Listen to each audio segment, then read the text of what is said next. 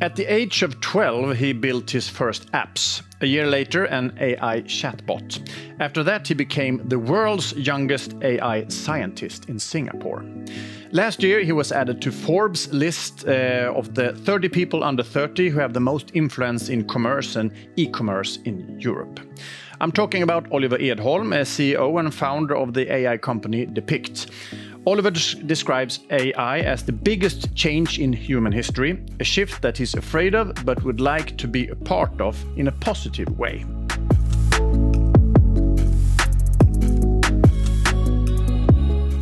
Oliver, so nice to have you here. Uh, Oliver, when did you realize that you had a great talent in technology, computers, and programming, and so on? Yeah, I I've always loved to build things. So like when I was really young, played with Legos. Uh, then I played Minecraft, and I realized I don't know like how good I am, but I have this like incredible passion and joy from building things. Mm. And uh, yeah, I think it was I played Minecraft a lot, and yeah. I got bored of the game and realized, well, I can I can change the code behind Minecraft. Mm. And first I thought programming was just the thing you did to change Minecraft. But okay. uh, but then I realized, wow, with programming, I can create smartphone apps, and and then that for me, like smartphone apps was like the adult world. That was like the symbol of the adult world. Yeah. And I made my first app. I made money on it, mm. and then it was like this veil of like adult things aren't necessarily just made for adults. No. The, the, the world is your oyster if you are proactive and yeah. actually do it. So yeah. I, I, think that was like a key mindset shift yeah. for That's me. a nice, nice uh, vision. Uh, yeah. Uh, at the age of 16, you ended up in Singapore, of all places, as the world's youngest AI scientist. How, how did that happen? how did that happen? Um, yeah, it, it's a long story. Um, in middle school, mm. Swedish middle school, mm. I um, had this, you could say, mental breakdown. Mm. Actually, um, I've in hindsight learned that the way the school system in Sweden works is is not very good for me, no. my personality. I'm I'm a person that I, I want to decide myself what problem I'm going to solve. Mm. And then I want to go 110% in that. I need to choose myself. Yeah. And uh, uh, I ended up uh, actually almost like burnt out from school right. in eighth grade. I, I couldn't physically attend school. Oh. I, I, was depressed. And uh, uh, I really felt school is not going to work for me. Mm. Um, and uh, I read books about the future, you know, what professions should you have, and mm. Came onto this topic of artificial intelligence and read about, well, if you look on a historical context, the the history of Homo sapiens, mm. we're in a very interesting period of time where we see technological progress like never before. Yeah. And it's very possible that with the advent of computers, we can essentially create computers that are way smarter than humans at essentially every task. Mm. And uh, for me, that was very clearly, if that would happen, that would be the biggest shift in the history of, of humanity. So, yeah. so I was depressed. I, I like, what's what's my life mission? What's the purpose of all this? And I kind of clung on to that. Yeah. Artificial intelligence. That's mm. my purpose mm. In life. And I skipped school lectures, all of that, and just went 110% on building my own AI projects. Yeah. And through that, I uh, got a job at Klarna mm. at quite a young age, and so, for some reason, I think I I was just very obsessed with Asia. I was mm. very obsessed with uh, certain research papers. I I decided I wanted to go to Singapore, mm. And uh, my parents were like, uh, "Are you for real?" and uh, I I uh, took that 110% you know, focus and. Yeah. I booked a flight ticket without them knowing, and and went to Singapore, and it's a long, complicated Yeah. story. But uh, I ended up uh, being a research assistant for a project I was doing Yeah. there, essentially uh, at the university. Yeah. Yeah. A big trip in so many different levels. Yeah, for you. yeah, It's it's it's been very. Um, you have to um, develop as a human being in Yeah. many dimensions quite quickly. So yeah, But Oliver, y- you're a successful 22, 23 year old guy. Yeah, 21. 21, sorry, even younger. And and you you have formed your own company, Depict. Uh, um, you have 25 employees today, and you raised over 200 million, million Swedish crowns in capital for this. Uh, you have customers all over the world. Uh, tell me, what that's quite a journey, I must say. But but tell me, what's Depict's main idea? Yeah, so we we've shifted throughout throughout the years, but essentially what we are is we are the brain behind deciding what products you see on e-commerce websites. So if you go to any e-commerce website, you will get recommended products for you. You can search. Maybe I search for a jacket on a set site, and then there's a, an AI that decides based on the search term you wrote what results am I gonna get. So essentially, where and when uh, you see a product, we are Mm. the brain behind that, and that requires a lot of artificial intelligence Yeah. that e-commerce companies don't have the knowledge, the data, the capacity Yeah. to to to do. So we sell that as a service Hmm. to uh, e-commerce companies. and uh, the business magazine, the very famous business magazine Forbes, uh, recognized you and your Mm-hmm. idea for that. You you ended up on a 30 list of young e-commerce people in Sweden in, in Europe. So congratulations. Thank you. that. I want you to try to pinpoint for us uh, what AI really is and what potential it has. I know it's a broad and wide question, but Yeah. but uh, Yeah. yeah, Uh, AI stands for artificial intelligence. Hmm. So, what is considered in- intelligence by humans today? Artificial intelligence is trying to recreate that in a computer form. So, um, that's the broad term, Yeah. which is quite vague. Hence, you see AI used in many different contexts. But uh, I would say the vision, the, the long term vision with AI is to recreate every aspect of human intelligence in a computer. Mm. So, what we consider the best scientist doing, the best artist doing, mm. all of those things, uh, the vision behind AI is to create that. Mm. And that's been as, as Alan Turing, the guy who kind of invented the modern computer, already him, he as soon as he saw this was possible, creating computers, he thought of this. yeah. So it's been it's been it's been a vision from the from the beginning. Sounds a bit scary, I think, if you ask me, but also uh, great possibilities, Yeah. of course. Uh, you have described the development in AI as the biggest change in human history and that you're very afraid of what might happen. What do you think might happen? and Why do you think like that? I I totally agree that yeah, it's it's the biggest shift that humanity will ever face. And why do I think so? Well, we are on track to uh, essentially create um, the problem solver that solves all other problems. So if you talk about climate change, we can solve that if we have sufficiently smart uh, AI. That's good. Uh, if we talk about uh, a terrorist organization wanting to create biological weapons with very little uh, capital, you can also solve that problem. That's If not you, good. if you talk about creating an authoritarian regime with a uh, eternal dictatorship, that's also a problem you can solve. So so you see that there's there's um, there's good things you can do and there's bad things you can do. Yeah. And uh, the scary thing is, I feel like we are on track to do this, and um, it's it's very chaotic in in how it will develop. I think Uh, Are you afraid that we, we will lose control over all of this? Yeah. So in the you, you need to think about different time frames. I would say. I think a lot of people um, talk past each others since they talk about different time frames.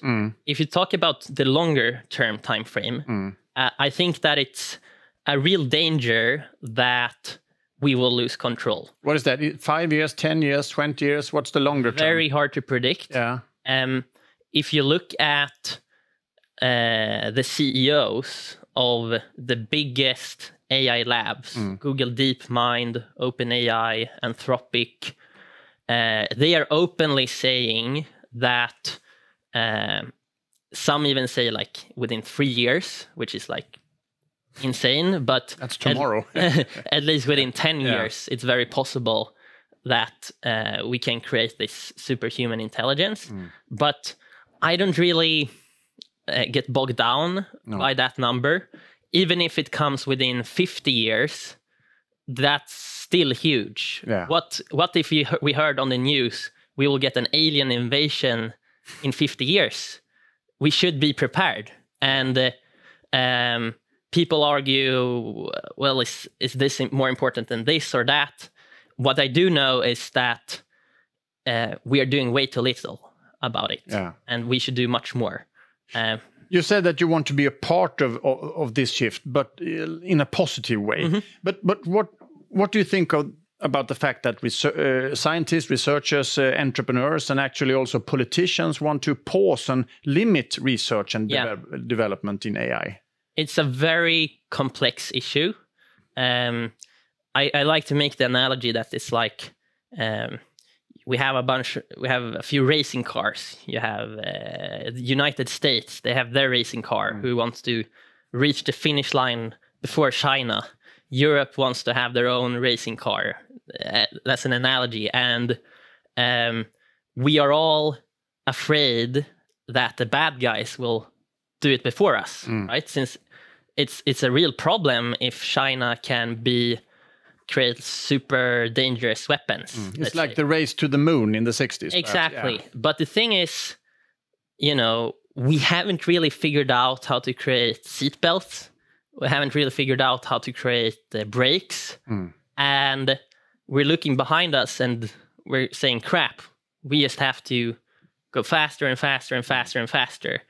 And uh, what we would need is some form of um, similar to how we did it with uh, nuclear weapons or what we're trying to do with climate change. We need a coordinated Yeah. agreement between all the uh, all countries in the world. But is that possible, do you think? Um, that's something above me. Yeah. I, I, I, I don't know. I think it it's something we should really try for.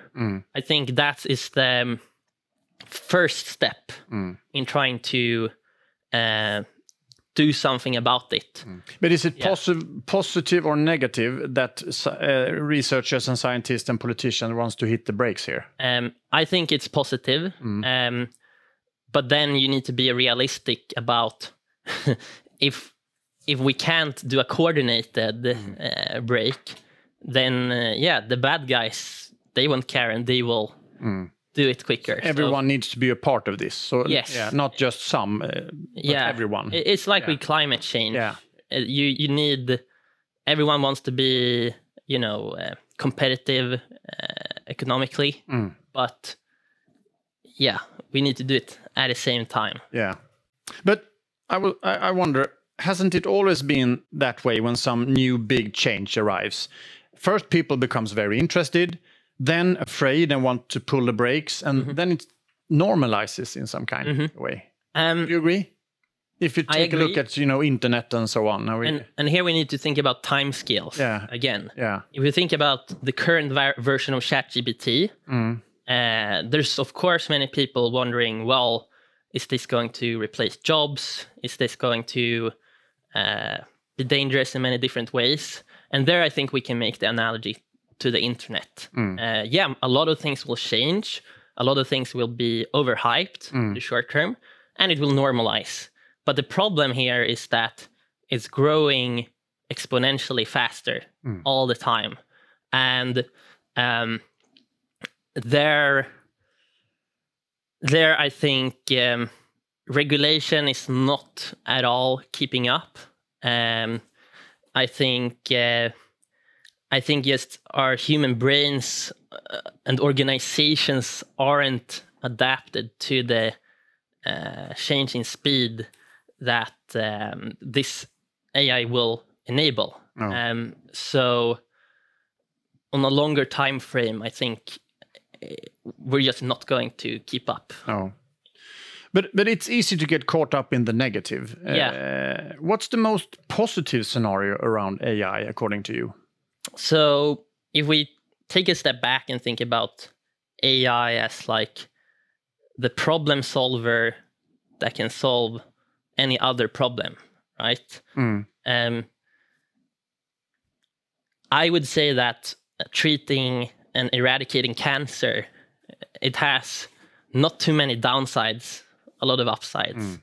Uh, doing something about climate change, ensuring that uh, jobs that people don't really like and could be automated uh, are automated. Sounds good. Um, traveling to other planets sounds fun. Yeah. Uh, the world is your oyster if if you if you solve this Yeah. essentially. Uh, if we think about a little bit shorter term as well, since this might sound a little bit science fiction, um, I like to make the analogy of having like a junior employee at your fingertips all the time Yeah. where like if you use ChatGPT, it's they can do a lot of those kinds of tasks, and we're getting more and more AI systems that are integrated to uh, the rest of the software stack in in, in organizations. And what what a junior intern-ish person could do, uh, I think in a very short period of time and already we will have systems that can already do that Yeah. uh, at everyone's fingertips. And um, I think that's generally net positive, right? But um, there's, for instance, Facebook or Meta. They are they are a little bit controversial in the sense that they have an open source policy. So they um, they have built AI models that's essentially as good as ChatGPT, but then they've made the brain, the code behind it, fully open source, available to anyone. So what some people have done is they have uh, reverse engineered it and said, "Oh, you know the human feedback you got in, before. You said that you shouldn't be able to teach someone how to create biological weapons. I want you to teach me how to create the most potent biological weapons."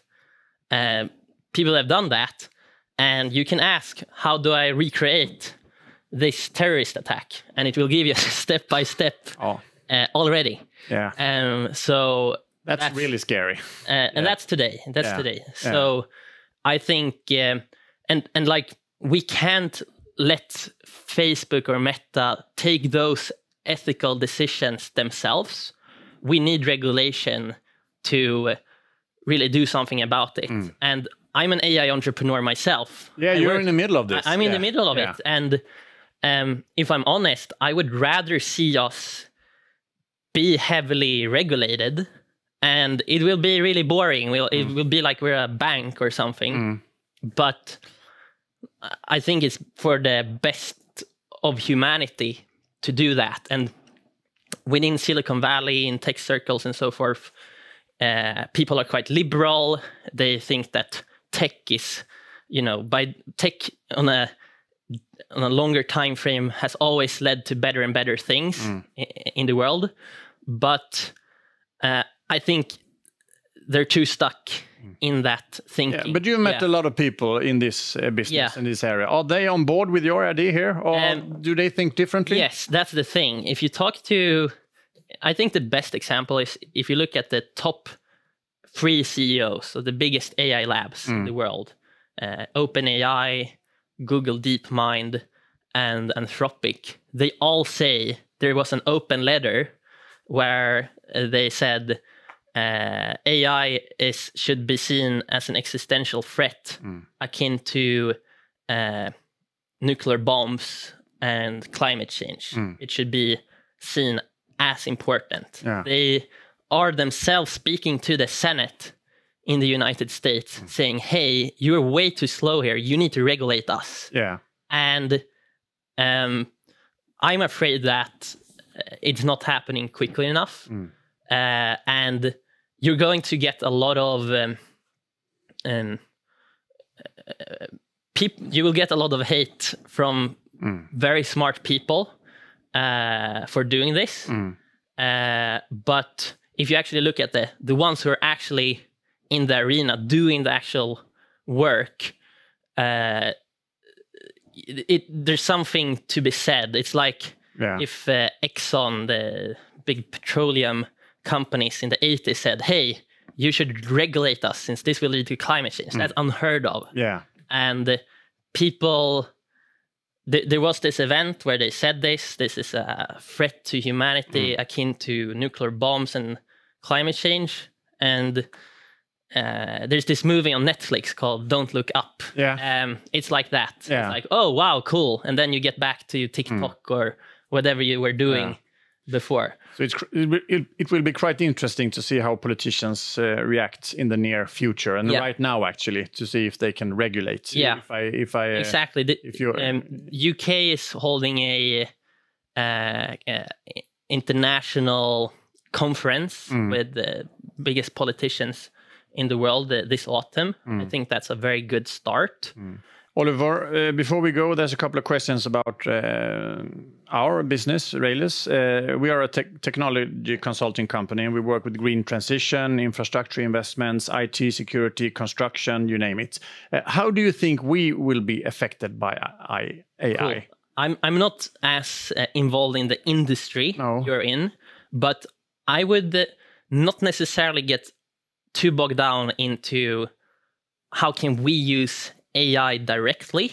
There, I'm sure there will be very very good use cases, Mm. but it can be harder due to regulation. I assume there's regulation involved uh, when you're dealing with physical things Mm. in the real world, AI tends to be uh, less competent right now since it's much harder to train AI models in the real world since the real world is so slow. Mm. In, in, inside of computers, you can simulate things a thousand times. Um, and uh, I assume also that you have a lot of precision really matters. You can't be wrong No. if you interact with ChatGPT, it's it's it's right 95% of the time. Sometimes it comes up with something. Mm. Uh, or you can ask yourself, would I want to delegate to this uh, junior employee whether this uh, huge infrastructure project is going to work out or not? Probably not. Uh, what I do think is incredibly essential, where I think you can have uh, pivotal impact on society, is to upgrade the underlying infrastructure. And you, you're dealing with very essential infrastructure at Rejlers to be ready for the AI wave. Okay. Uh, so that entails having IT infrastructure that where you can get access to data, you can get get you can communicate between all the IT systems very effectively. So when a new AI advancement comes, you can very quickly add Okay. that. And then most importantly, uh, I know you do a little bit of cybersecurity yeah. Um, the biggest cybersecurity risk is legacy IT systems. Um, so it, it doesn't sound as sexy, but being able to upgrade legacy IT systems to a more modern technology that's ready cybersecurity wise is going to be very, very useful. Yeah. So yeah. you really need to be on top of the security. Yeah. So Oh, So, so if I ask you, how do you think Rejlers should act when it comes to AI? I think I don't know exactly No. uh, the exact business model, but don't necessarily get too caught up into the hype No. um, in the short term, um, but really ensure that you have good, solid foundational infrastructure with the clients you work with. Uh, you are working with very essential infrastructure. Don't let don't let uh, uh, don't let yourself have like this.